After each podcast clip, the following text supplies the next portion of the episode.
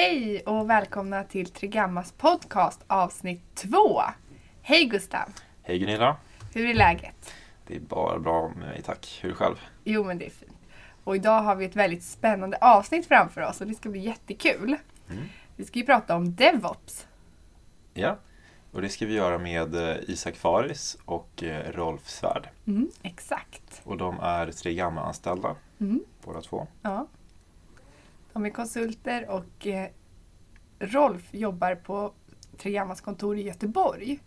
Så vi kommer ha med honom på länk via Skype. Så man kan se det här avsnittet som ett litet pilotavsnitt. Eh, eftersom att vi inte tidigare har testat det här Skype-inspelningsmetoden. Så vi får se hur det funkar med ljudet. Vi hoppas att det ska bli, funka fint, fint. Ja, det blir lite annorlunda att ha dem på, på linjen också istället för att ha dem i rummet. Men det blir ju, ja det är en pilot till som Mm. sagt. Ja, Det blir nog bra. ja. Men ska vi köra igång då? Det gör vi.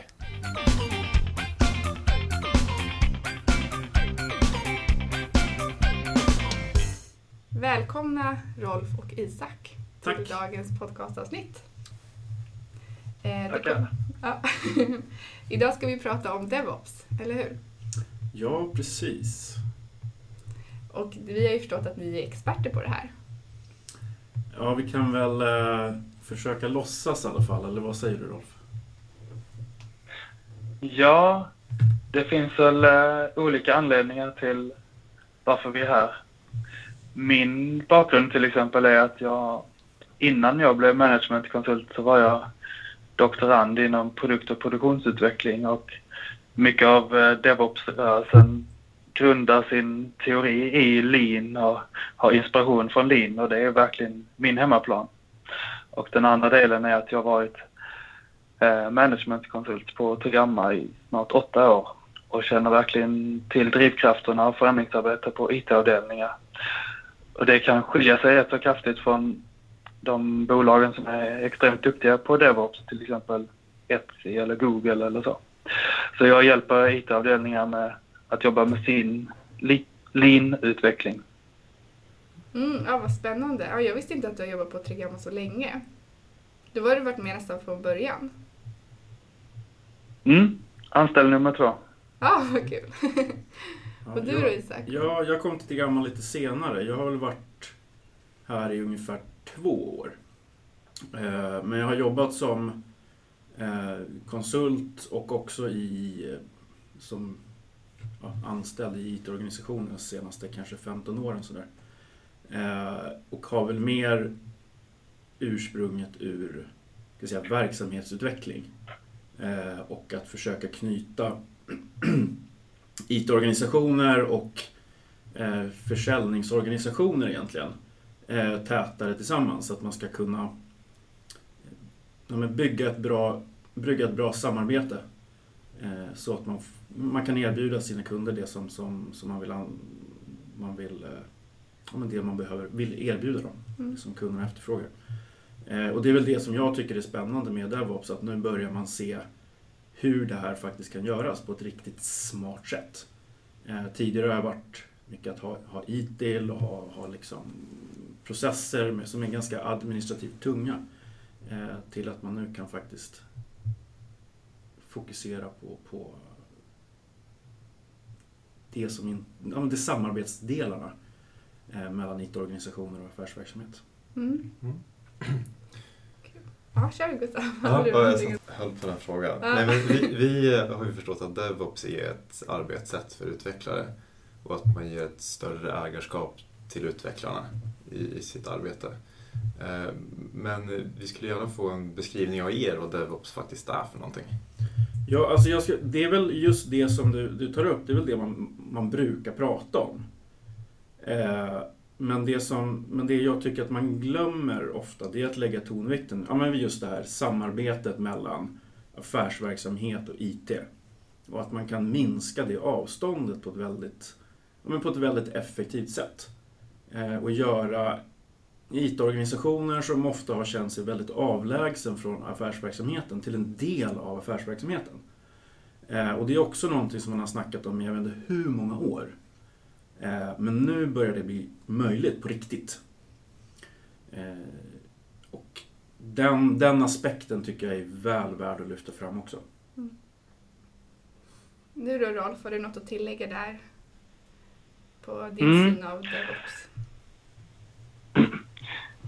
Ursprunget här, som ni säger, det är ju från en utvecklar-approach. Det är där det, liksom, det händer saker.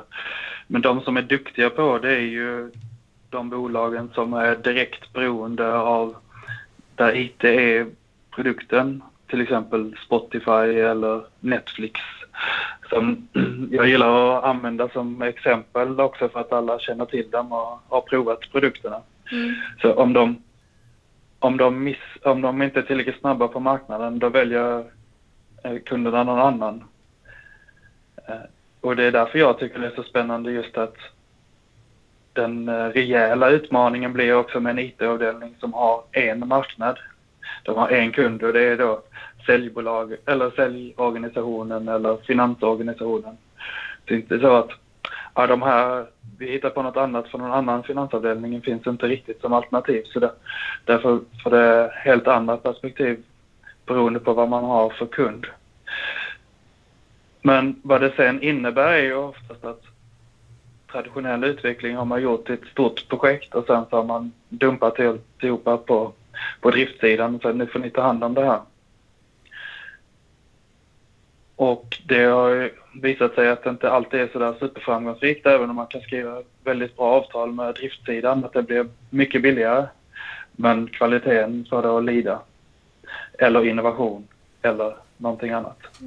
Så det är väl det som är den stora aspekten i mitt perspektiv. Att dels samarbeta med verksamheten men också mellan de olika delarna som har extrema silos i stora projekt. Utveckling, säkerhet, test och, och driftsidan. Mm. Ja, men bra, nu tror jag att vi fått en bättre bild av vad själva DevOps är för något och tanken bakom det. Men eh, vad, om vi ska lyfta fram liksom lite fördelar, var, varför ska man införa DevOps liksom, i precis då? Därför att man slipper att göra trista grejer hela tiden. Okej. Och så kan man fokusera på det som är roligt. På vilket sätt menar du då? Ja, men jag tänker, alltså mycket, men som, som Rolf är inne på, det, det har ju från början varit ett eh, Eh, väldigt utvecklardrivet, eh, väldigt utvecklardriven metodik eller filosofi eller vad man nu vill kalla det för. Eh, och det har ju gjort också att de som jobbar med det, säger men jag, jag vill ju sitta och utveckla. Jag vill inte hålla på och installera servrar och eh, köra liksom monotona tester och hålla på. Om då automatiserar vi det så slipper vi det. Eh, och så kan vi dessutom höja kvaliteten i det. Ehm, och det gör ju att de som faktiskt sitter och utvecklar kan få koncentrera sig på det och göra just de sakerna. Ehm, och, det, och det som vi var inne på från början också, så att, att knyta IT och affärsverksamhet tidigare, det, det liksom skapar utrymme för att göra det också på ett mycket mer dynamiskt sätt. Eh, och en, en, viktig del, en viktig del av det på att se att man ska ha snabba feedbackloopar. Man testar någonting, man gör någonting, man testar det, funkar det, funkar det inte.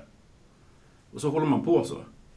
Eh, och det gör ju att man, man mycket snabbare kan lära sig vad som funkar och inte funkar. Och Man, man, kan, man behöver inte göra samma misstag om och om igen. Man gör det en gång, sen är det klart.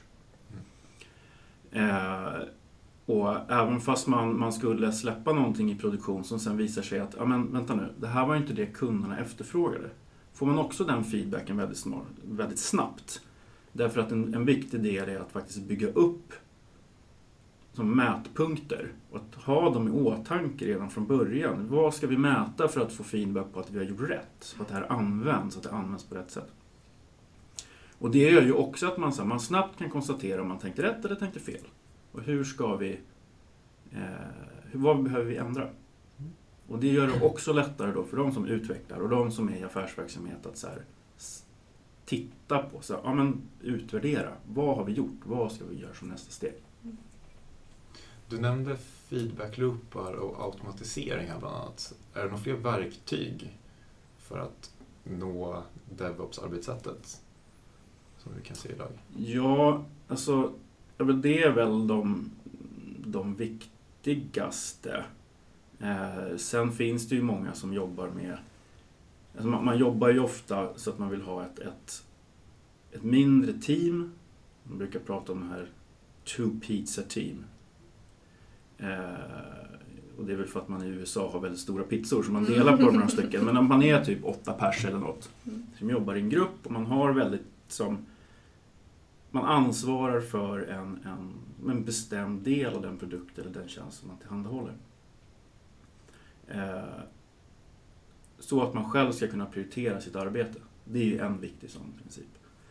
Eh, men sen, eh, och för att möjliggöra det då, då vill man ju ha en, en en tjänst som man faktiskt kan dela upp i väl avgränsade delar. Och därför har det blivit vanligt att prata om microservices eller mikrotjänster. Att man mm. verkligen, verkligen delar upp i ett, par, ett fåtal funktioner som ett mindre team ansvarar för. Eh, sen är väl inte det en, en, en som förutsättning för, för DevOps. Men det är någonting som gör att man kan driva det till, ta det till sin spets. Mm. verkligen. Och att man snabbt kan testa små, små delar. Eh, och eh, så jobbar ju många av dem. Ja, Netflix som Rolf snackade om till exempel, mm. de jobbar ju så till exempel. Eh, men sen de som, när DevOps kom jobbade man inte så. HP som man kanske inte tänker är det mest agila bolaget alltid. har varit väldigt framgångsrika i att göra det utan att ha mikrotjänster till exempel. Mm. Utan där har man mer jobbat med hur man mergar kodbasen så att, eh, så att man ändå ska kunna leverera kontinuerligt. Mm. Ja. Ja, men kul att du tar upp microservices eftersom att vi pratade om det i första podcasten. Mm. De var också inne och nämnde lite om DevOps men nu fick vi en lite djupare förklaring mm. här mm. till bakgrunden. Det var ju jättebra. Bra återkoppling. Mm. Precis. Eh, men okej, okay, men nu vet vi fördelarna och det är mycket som låter väldigt bra. Men finns det något fall där det säger nej, man ska absolut inte använda DevOps eller det här är en stor nackdel med det eller något sånt? Det måste ju finnas någonting som inte är jättebra, eller? Nej. Det är nog att det är två. Att, och det, jag tror att man kan ju gå tillbaks till, till liknelsen med att eh, alla biltillverkare försöker försökte kopiera Toyota för att de var så framgångsrika på 80-talet i sin lean manufacturing. Och så tog man ett par stycken, ja men de använder ett kanbanbord här och, ett, och så har de ett snöre som man kan stoppa produktionen när det går till skogen. Och så tog man de två verktygen och åkte hem och så förstod man inte riktigt varför man inte nådde samma kvalitet. Mm. Eftersom det var en kultur som var inkorporerad rakt in i genomgående i alla led som man gjorde. Och där det här var två stycken verktyg i en, en hel filosofi. Och jag tror att det är, kanske lite liknande just att man försöker tänka som vanligt för att man stoppar in ett nytt verktyg och hoppas på det bästa. Då blir det utmaningar. Det är den ena dimensionen. Sen är det klart att det blir extra utmanande med den typen av, säg ett ERP-system som ska hålla reda på eh, årsbokslutet. Då ställer det vissa krav som gör att man har också större utmaningar kanske att jobba snabbt och agilt. Långt ifrån sagt att det är omöjligt men man har andra utmaningar så det är inte bara att kasta sig på det, tror jag. Mm. Jag, jag skulle väl snarare vilja säga så här att det, det, det du tar upp Rolf kanske inte är, det kanske inte är en nackdel med DevOps, DevOps egentligen utan det är ju snarare kanske vilken inställning vi har till att införa nya metodiker. Vi tar det som vi ser eh, men det som är de mer ska vi säga, ogreppbara eller osynliga delarna som just är kultur och filosofi och mindset. Eh, det är ju det som genomsyrar vilken metodik man än har. Eh, och att man behöver börja där och att man behöver liksom hitta områden som är lättare att börja med. Och det ERP som, som du tar upp Rolf, det kanske inte är det bästa sättet men man kanske har en eh, någon mer kundnära applikation eh, med ett mer fåtal funktioner och som är väl avgränsad och som man kan bygga upp i en annan infrastruktur som man kan börja med. För då får man så här ett då är det lättare att testa. Alltså man kan, vara, man kan liksom införa DevOps på ett DevOps-sätt. Så att man kan testa, se vad som funkar, vad som inte funkar. Få andra delar av organisationen att bli, bli inspirerade. Titta, så här jobbar vi. Det skulle ni också kunna göra. Eh, och det gör det lätt att få in det här att, att de som utvecklar och de som på affärssidan ansvarar för en del av en applikation eller har huvudintressen där tillsammans kan jobba fram den här metodiken. Och då kan man få övriga delar av organisationen och också upp i hierarkin, liksom i chefslagen och se så här, jaha, det är det här det innebär rent praktiskt. Det är ju inte så svårt egentligen. Då kan vi ju börja och så kan vi rulla ut det. Och då slipper man många av de här nackdelarna som kommer med om man inför en ny metodik. Och så har det ju varit när, när ITIL var som hetast. Då gjorde man ju samma misstag också. Man tog mallar. Man tog liksom man tog mallar och agendor och så tryckte man in det i ett stort system och så fick man en massa byråkrati och så kräks alla och vill inte ha med att göra längre. Eh, och det här kan det bli lätt så också. Man, eh, på ett annat sätt. Men eh, man kan lätt liksom uppnå samma, få samma effekter. Mm. Ja. Och jag, jag kan ju tycka en del i det där kan ju till exempel vara då att operations-teamen egentligen inte ansvarar för eh, att smälla upp servrarna utan det gör utvecklarna själv. Men man, det som är den stora grejen är att möjliggöra mycket av det här. Att tryck bara på den här knappen så har ni uppgraderat en ny basplattform. Eh, ungefär motsvarande som eh, alla som uppgraderar en ny Windows-version på sin dator. Man, man får styra själv för nu passar det oss. Alltså om, det, man ändrar mentaliteten från att ah, ni vill ha en ny sån, lägg en request här så ska det gå 14 beställningsflöde och sen ska vi se om vi kan fixa det till er. gentemot... beställ själv, det är bara att trycka här på knappen. Det är ju en mentalitetsförändring framför allt och sen kan man understödja det med olika teknologier. Men just att vi ska, vårt jobb är att stötta utvecklarna. Mm. Det verkar ju vara ett visst förändringsarbete om man ska börja med det från, från att inte ha jobbat med det alls. Eh, faktiskt. Men ni har nämnt HP och ni har nämnt Netflix. Har ni några andra exempel på företag som har gjort det här framgångsrikt? Spotify tror ni nämnde också. Spotify har jag Mm. nämnt. Ja, det, de, de mest kända är ju typ ja, Spotify och Netflix och Google och Amazon och, och så.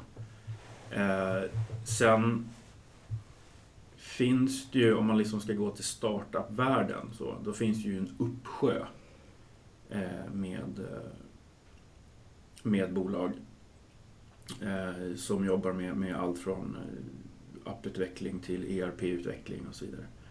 Eh, det som de har som fördel är att de har ju ingen, ingen legacy utan de kan börja från början. Eh, och då får man vissa fördelar. Eh, för att man kan man kan sourca saker i molnet mer agilt och man kan bygga in DevOps-tänket i sin affärsmodell mycket, på mycket enklare sätt.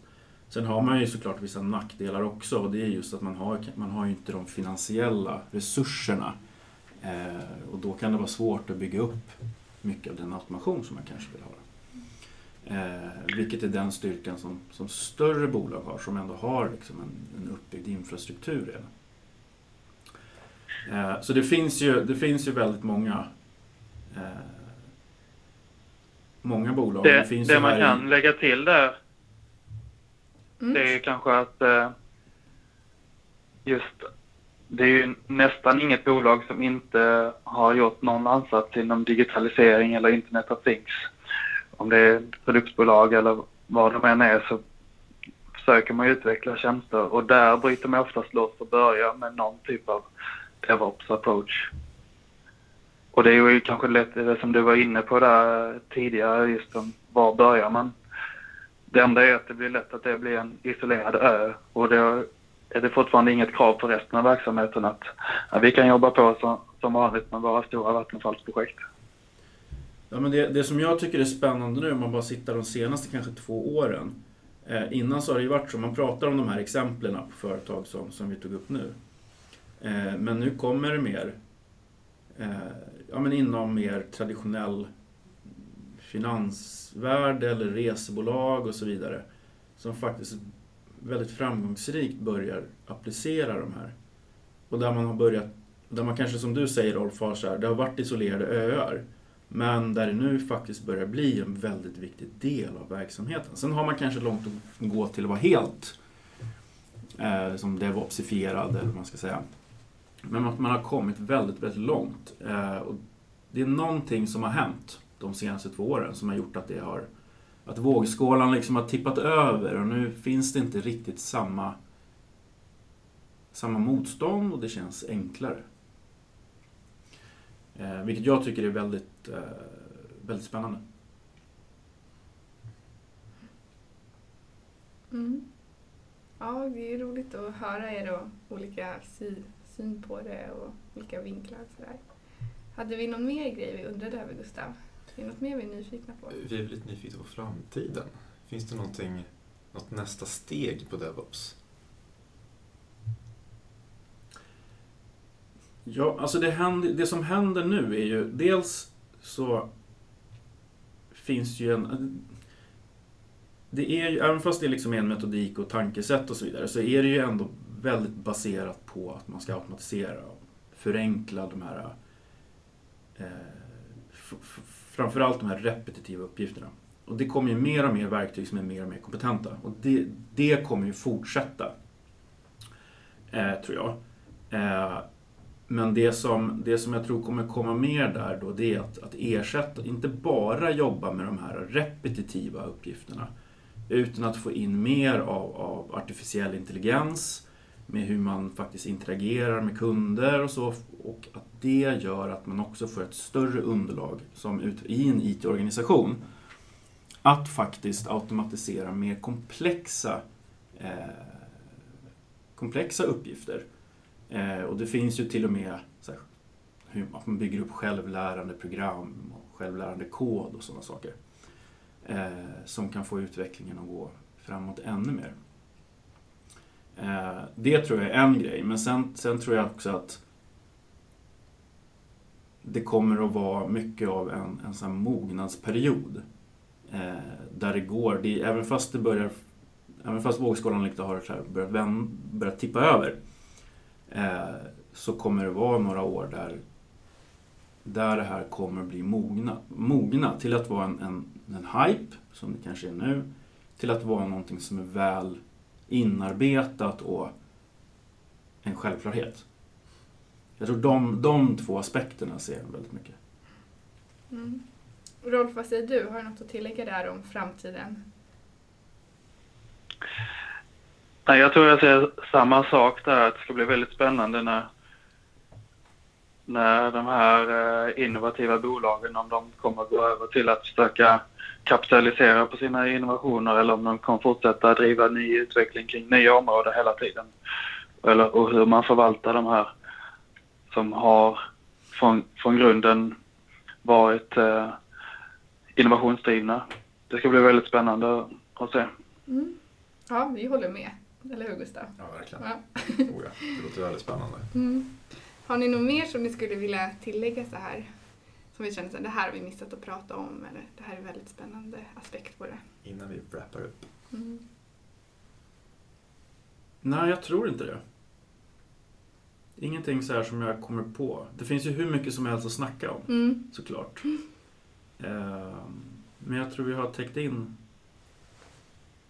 många viktiga, spännande områden. Ja, och om man vill läsa mer så har ni skrivit en insight på Tregammas hemsida också.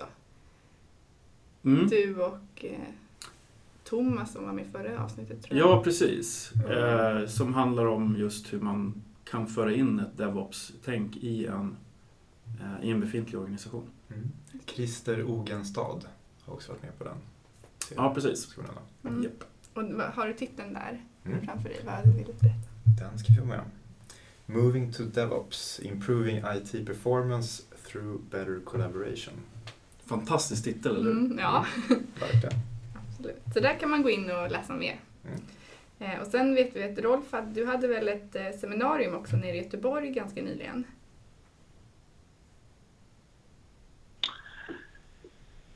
Ja, vi hade det precis innan eh, sommaren här. Ja. Nu är det ju inte sommaren längre känner jag. Nej. Den gick snabbt den där hösten. Men det var, det var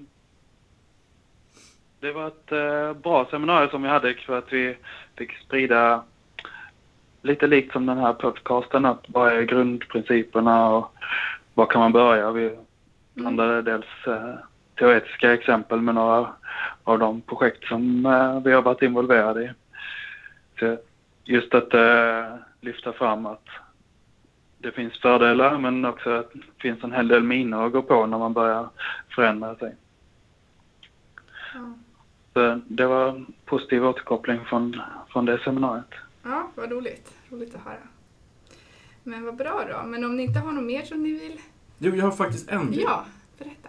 Eh, apropå läsa. ehm, ja, vi har ju skrivit också så här white papers om microservices och så Mm. som är väldigt spännande. Men jag skulle vilja eh, faktiskt tipsa om någonting som inte vi har varit med att ta fram. The DevOps Handbook. Mm. Det är en bibel på typ 600 sidor. Eh, men hälften av det är typ inspiration och hälften är så här, man går lite djupare in i, i de principer som vi har pratat om här också. Eh, och man behöver inte läsa allt. Man kan läsa de delar som man är speciellt intresserad av. Eh, den, är, den sammanfattar, eller man kanske inte ska säga sammanfattande när det är 600 sidor, men den, den tar upp väldigt många spännande aspekter som man kan dyka djupare i. Eh, jag har suttit, jag satt och läste den när den, när den kom ut här för inte alls för länge sedan. Och eh, det var väldigt inspirerande. Eh, och man ser hur, hur pass mycket som, som faktiskt har mognat under de senaste åren. Och man får en stor del av det här metodtänkandet och kulturella tänkandet i. Bra Mm. tips. Mm, superbra tips. Men då, då måste jag slå ett slag för att författarna till DevOps Handbook Mm. var ju de som skrev Phoenix Project som är en fantastisk eh, roman om hur man påbörjar sin eh, DevOps-resa. Men när jag läste den så, så slog det mig, de refererar väldigt mycket tillbaks till en annan bibel som heter The Goal från, av en som heter Goldratt som har skrivit. Eh, som också är en roman fast hur produktions, en produktionschef ska hantera sina utmaningar. Som jag läste då för 15 år sedan när jag höll på med Mm. lean, produktutveckling och produktion. Och eh, då kom jag på att den är fortfarande lika fantastiskt bra. så, om man eh, läser Phoenix Project så kommer man på att var kommer de här grunderna ifrån? Då är det The Goal. Så det är tips från mig. Ja, superbra tips. Vad kul. Bra, men då så. Då kanske vi ska säga tack för idag och avsluta den här podcasten. Tack själva. Tack så jättemycket Tack så mycket. för att ni ville vara med. Det var Jättekul. väldigt roligt. Mm, bra. Okej, hej då Rolf. Ha det bra i Göteborg. Hej! Tja, tja. Hej då.